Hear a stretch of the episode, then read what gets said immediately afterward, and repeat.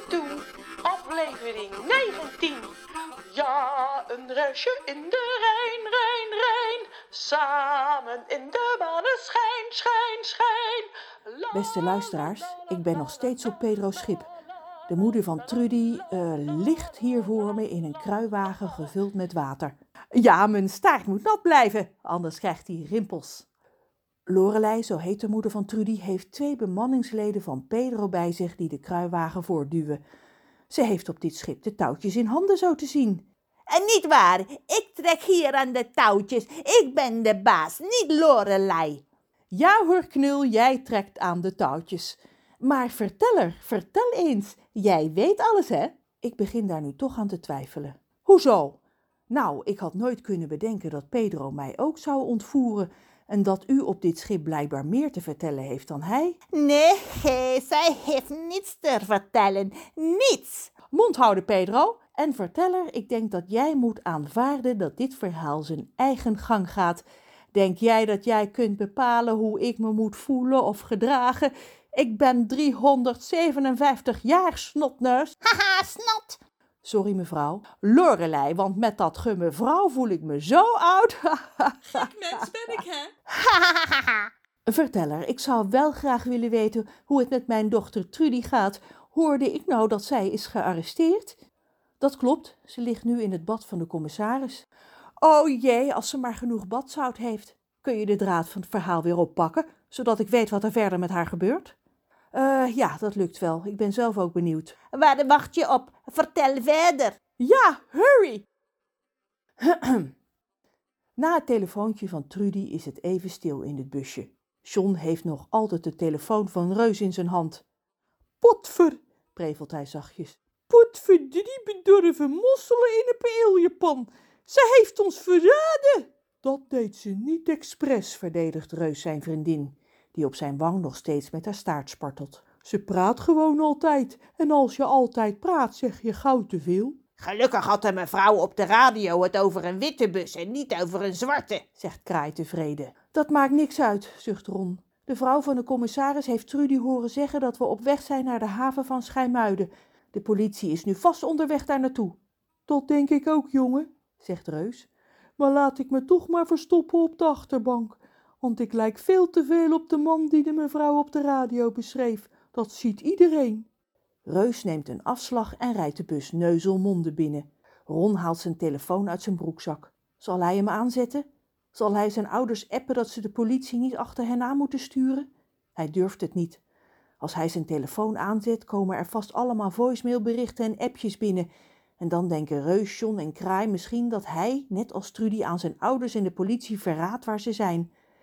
Hij verheugt zich nu al op het goedmaaketentje. Misschien kan hij met zijn vader en moeder naar de pannenkoekenboot in de haven van het dorp. Hij zou nu ook best een pannenkoek lusten, eentje met appel en kaneel. Een jongen van tien, eh, dertien heeft meer nodig dan een bordje met Johns kale macaroni. Reus parkeert de bus naast een sportveld. Het begint donker te worden. Ron ziet op de klok in het dashboard van de bus dat het bijna zeven uur is.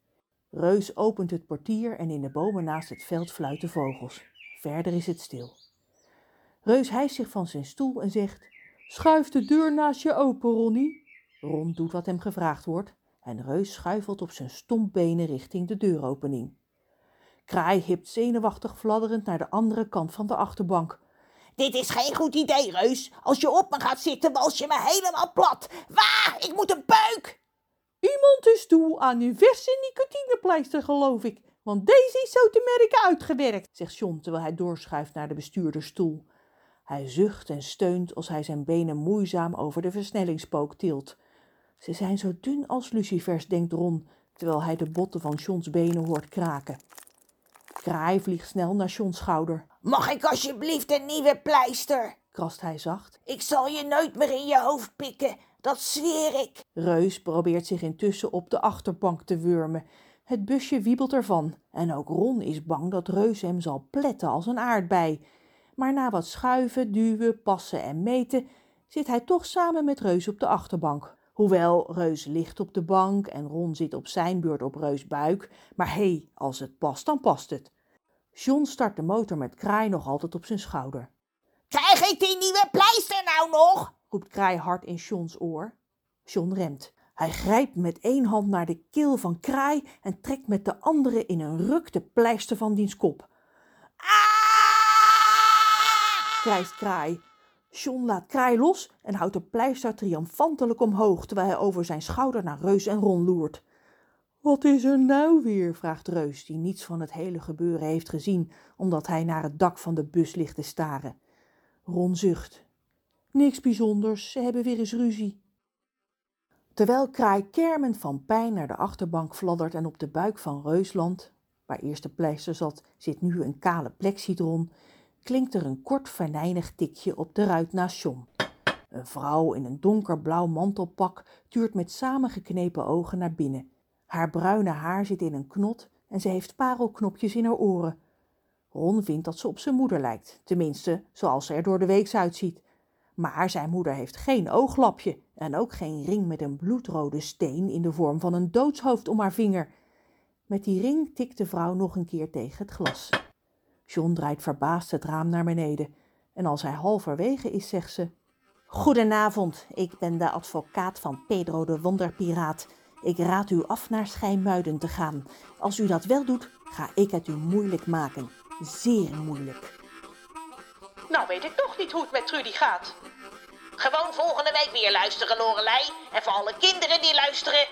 We hebben voor jullie op een rijtje gezet wat je niet moet doen, ook al doen wij het wel. Dus, geen tatoeages nemen. Niet in vreemde busjes stappen. Niet doen alsof je 13 bent terwijl je pas 10 bent. Niet roken en ook geen nicotinepleisters plakken. Vechten ook niet doen. Je telefoon uitzetten terwijl je ouders denken dat je ontvoerd bent. Nee, nee, geen goed idee. Het is sowieso geen goed idee om je ouders te laten denken dat je ontvoerd bent. Eh, nou dat was het wel geloof ik. Tot volgende week. Ron wil een tattoo is geschreven en geproduceerd door Margot de Graaf.